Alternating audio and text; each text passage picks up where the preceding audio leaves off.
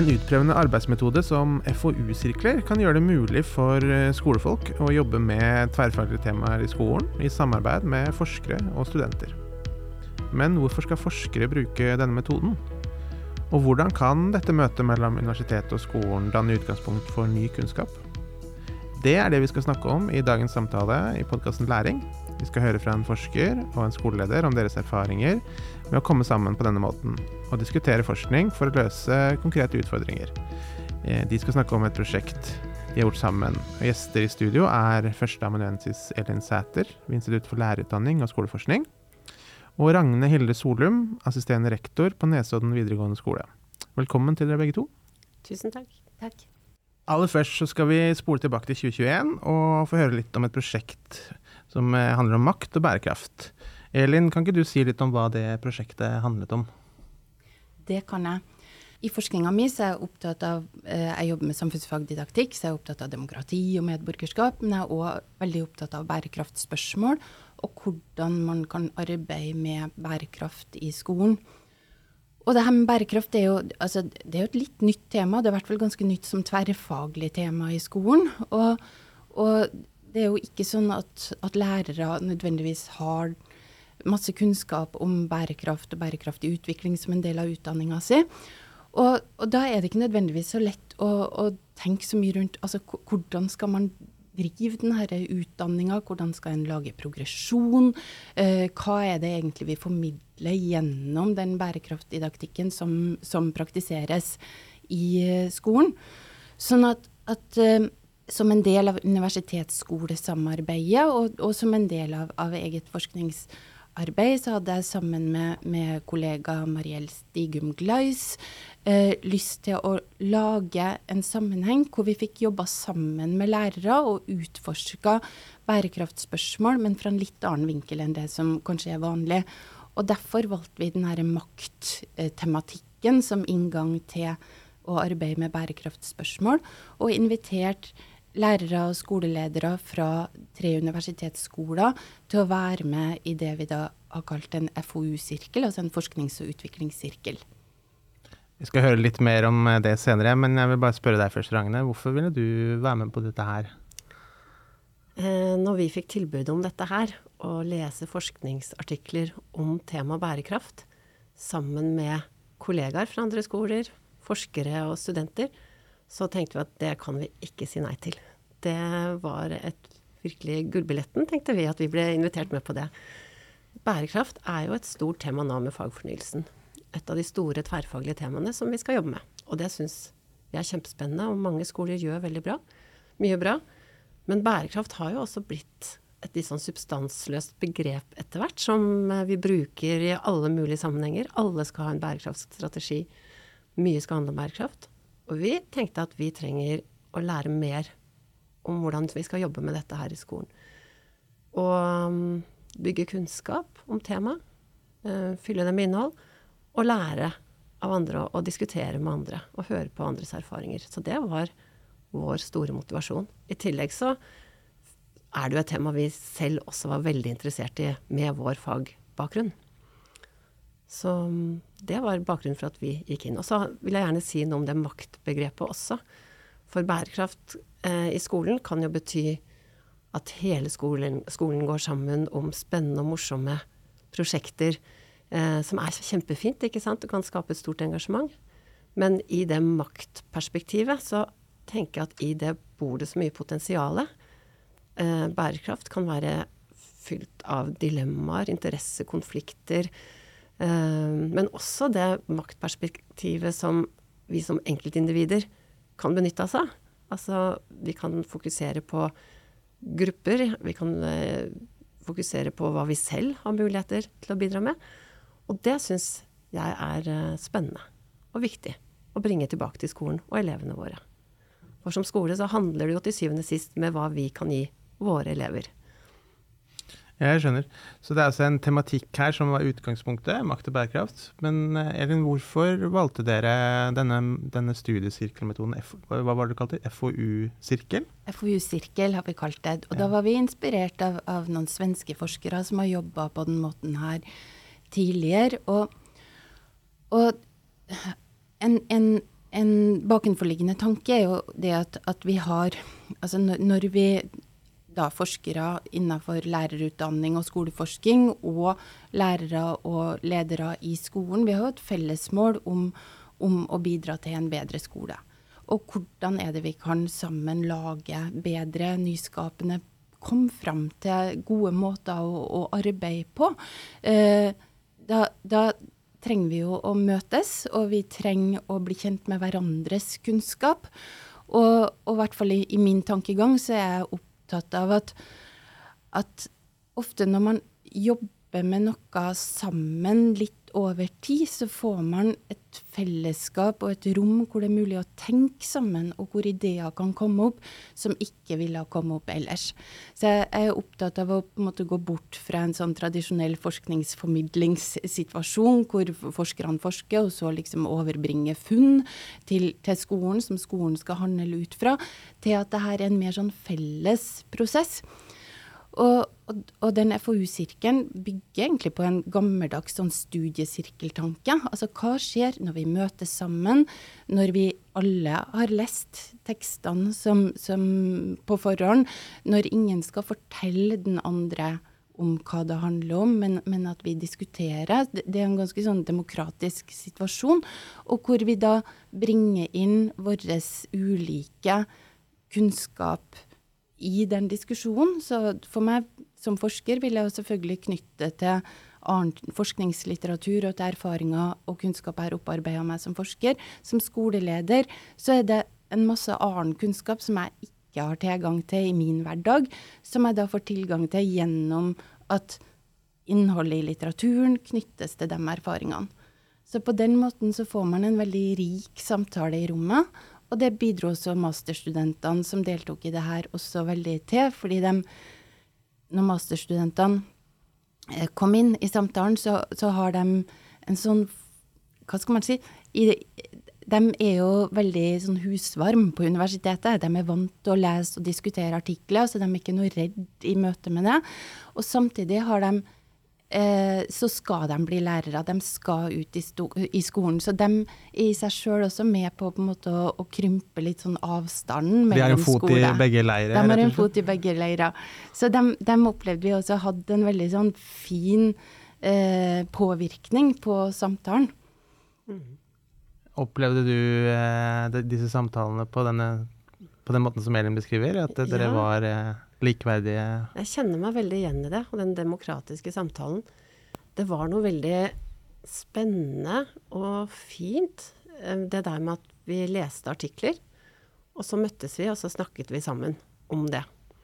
Og jeg eh, syns jo Jeg hadde jo også med en kollega fra min skole som er lærer.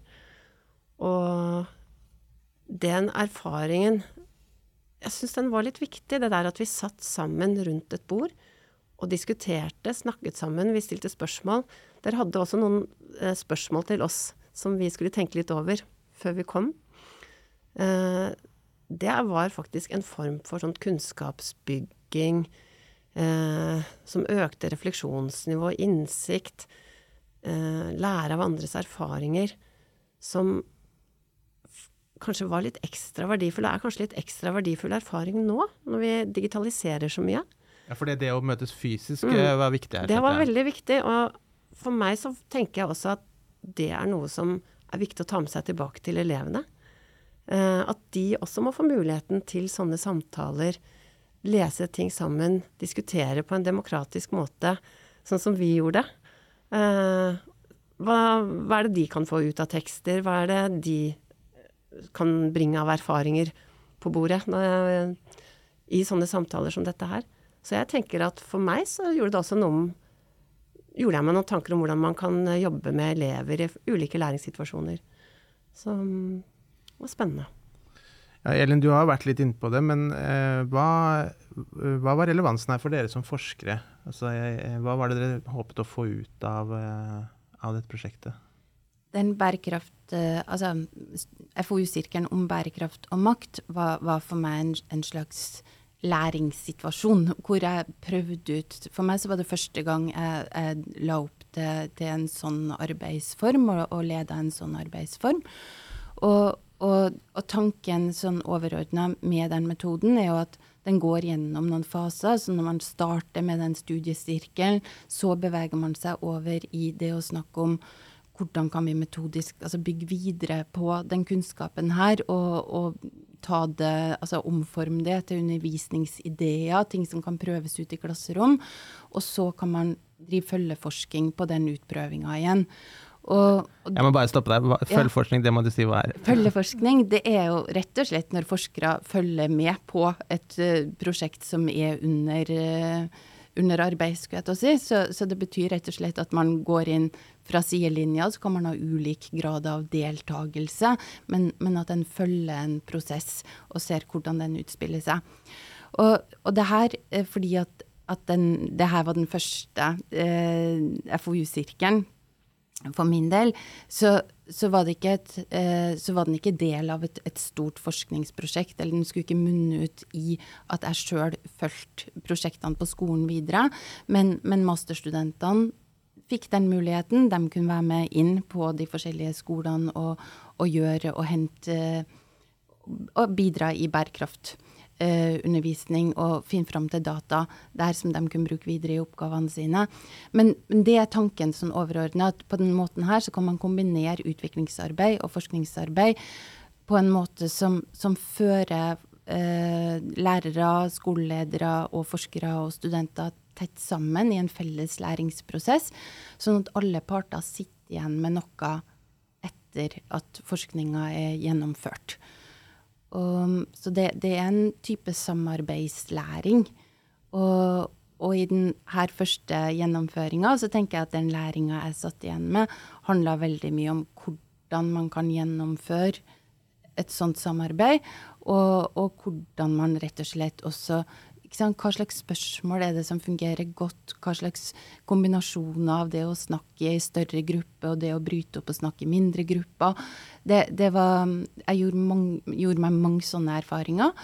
Og så fikk jeg den herre veldig sånn klare eh, opplevelsen av hvordan ideer blir virkelig når man snakker sammen om det at eh, Fordi man kan jo si, ikke sant Det finnes masse forskningslitteratur på bærekraft og utdanning.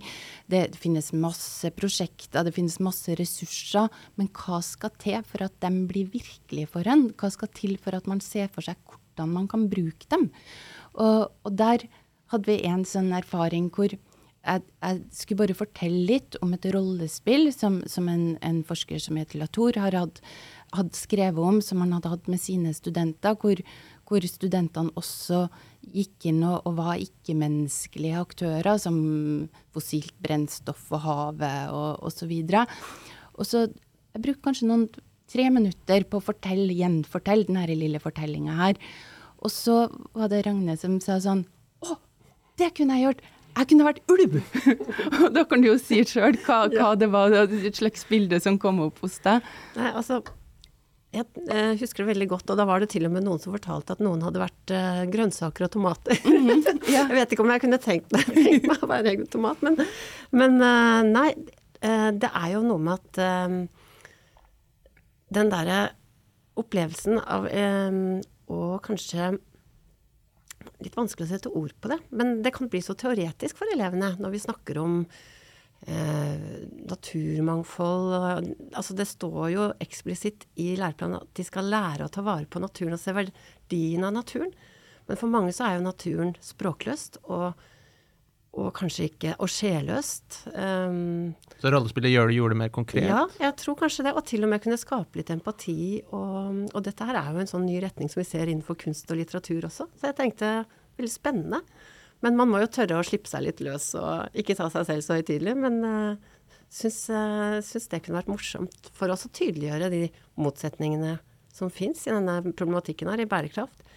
Men jeg har også lyst til å si noe om det der som skoleleder å, å bruke tid og ressurser. For at altså, tid er jo en knapphetsressurs når man jobber i skolen. Og det var det jo både for meg og min kollega som var med på dette her. Uh, og ofte når vi Eh, skal lære eh, om hvordan vi bør sette i gang utviklingsarbeid, hva vi skal jobbe med i skolen, så er det jo nettopp den litt enveis eh, monologen som du beskriver Du beskrev mm. Elin. Det der med at det er en powerpoint, det er en forsker som står og forteller om interessante funn, bevares. Det er kjempeviktig, det også. Hvordan bør man drive underveisvurdering? Hva er det man skal gjøre i klasserommet for å skape gode relasjoner? Eh, for et trygt og godt læringsmiljø. Og det, det, er jo veldig, veldig viktig. Men et sånn type arbeids... Eller en sånn type prosjekt som vi var en del av nå, har noen helt andre kvaliteter. Som også er veldig viktig, tenker jeg. Og det er jo den samtalen eh, som åpnet opp at jeg lærte mye om hvordan andre lærere opplevde det å sette i gang større tverrfaglige prosjekter som skoleledelsen kanskje hadde tatt initiativ til. Hva som skulle til for at lærere følte eierskap i klasserommet, og at elevene lærte det man ønsker at de skal lære. Og ikke minst de masterstudentene. Altså de, de, var så friske og modige. Det var det som slo meg, og hadde så spreke ting som de hadde gjort ute i sin praksisprøving. Som eh, Jeg husker én som eh, hadde snakket om personvern eh, med sine elever, og fått de til å funnet ut masse om Kim Kardashian, f.eks. Altså masse morsomme eh, ting som eh, kanskje treffer elevene. Uh, nettopp fordi at de ikke står så fjernt fra hverandre i alder og bruker sosiale medier. For det var jo også en type makt som vi snakket om. Mm. Det som influensere eh, har. Og hva slags muligheter som ligger i det. Men begrensninger selvfølgelig også. Så ja. Mange spennende temaer, mm. skjønner jeg. Um, Ellen, jeg lurte på uh, om denne metoden, hvis du kan si noe litt altså, Vil du si at dere på en måte skaper noe nytt her? Altså en ny form for kunnskap? Og hva kjennetegner den den type kunnskap i så fall? Jeg syns alltid det er litt sånn interessant å tenke på hva ny kunnskap egentlig betyr. Eh, fordi ny kunnskap kan jo være at noe er nytt for en sjøl. Det kan bety at man tenker en tanke som aldri har vært tenkt før i, i verden. Akkurat den, den, typen nyhet tror jeg ikke kanskje at vi kan påberope oss her. Men jeg tror at vi fikk erfaringer og og også kunnskap gjennom både diskusjonene og gjennom de tekstene vi leste, som, som, var ny for alle, men kanskje forskjellig kunnskap var ny for uh, ulike grupper til ulike tider. Og, men, men, jeg tenker også at den FoU-metoden, altså den, den, den er Eller FoU-sirkelmetoden vil jo skille seg fra, fra mange andre ting man gjør, med at den ikke er så målrett da. Den, den, den sier Altså, man møtes, en leser, en diskuterer. Man skal utforske noe, komme fram til noe. Men, men hva man skal komme fram til, er ikke nødvendigvis helt klart. I tillegg så tar det masse tid. Altså sånn, det er tidkrevende. Det krever innsats. Og, og det har et litt sånn usikkert utkomme. Sånn det er det er på en måte veldig annerledes enn mye av det andre vi driver med, hvor vi nettopp er opptatt av målrettethet og effektivitet og utbytte.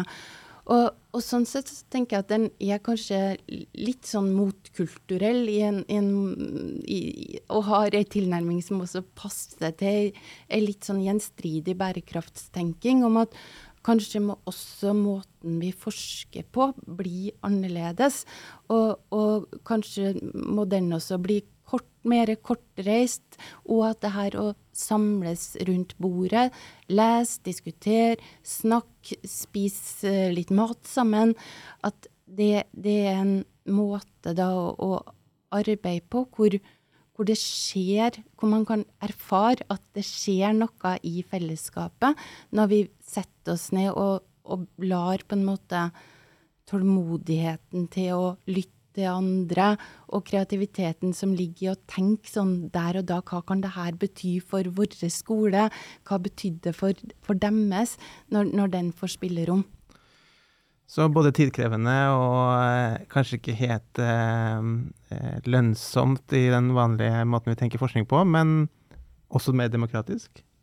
Det vil jeg si. At, at det, er en, det, er en, måte hvor alle deltakerne er sjøl tar eierskap både til prosessen og har reell innflytelse på hvor prosessen går hen. Ja, For det var ikke lov å være med i FAU-sirkel og ikke si noe? Nei, det la vi vel opp til. At, at, nei. Jeg tror alle hadde veldig lyst til å si noe der, så jeg tror ikke det var noen utfordring akkurat. Nei, nei det, det, var, det er sant. men apropos det, du har nevnt eh, at um, det er mange muligheter her. Men er det Er dette her noe helt vanlige lærere uh, kan begynne med? Altså på ulike skoler rundt omkring i landet? Tenker dere, at, tenker dere det? Jeg tenker det.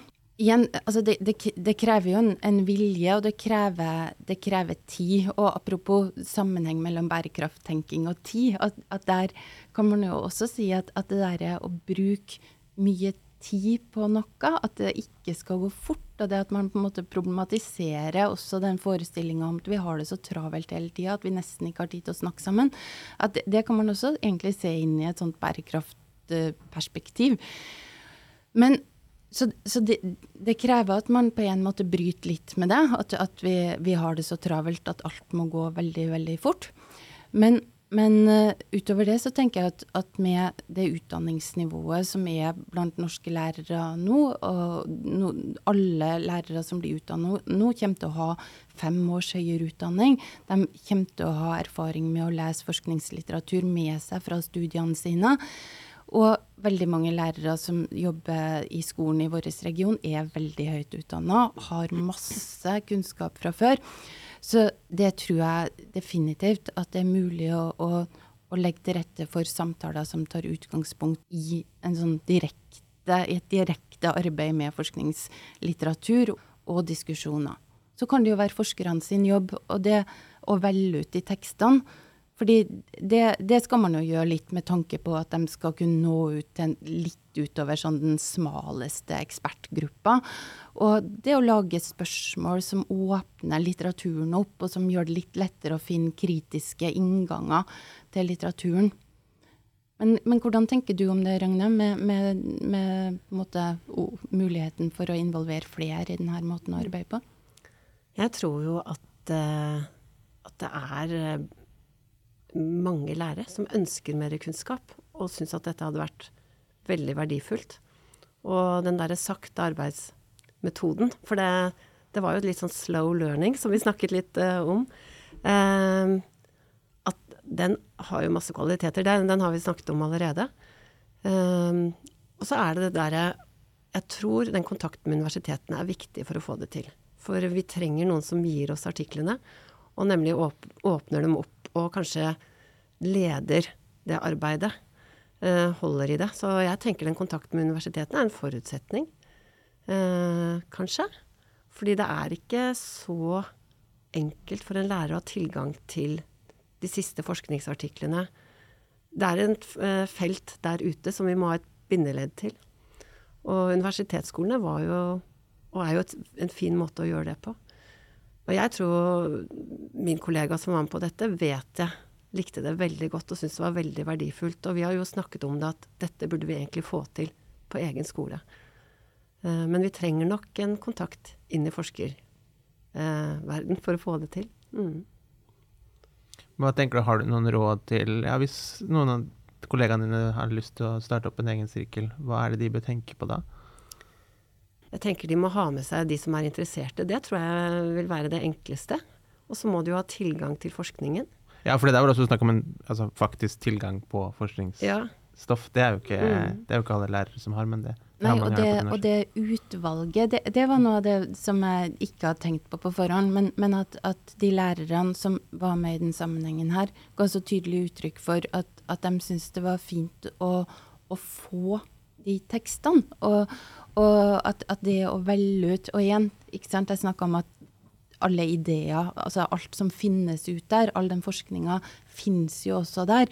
Men, men, akkurat det å velge ut og orientere seg i det, det er jo faktisk noe vi som jobber med forskning, øver oss veldig mye på. Mm. Vi, vi driver jo med det hele tida. Og at det er noe vi kan bidra med inn i skole- universitetssamarbeidet, mm. så kan vi bidra med å, å velge ut og legge til rette for at lærere sjøl også får, får jobba og, og, lest og diskutert forskningsartikler direkte.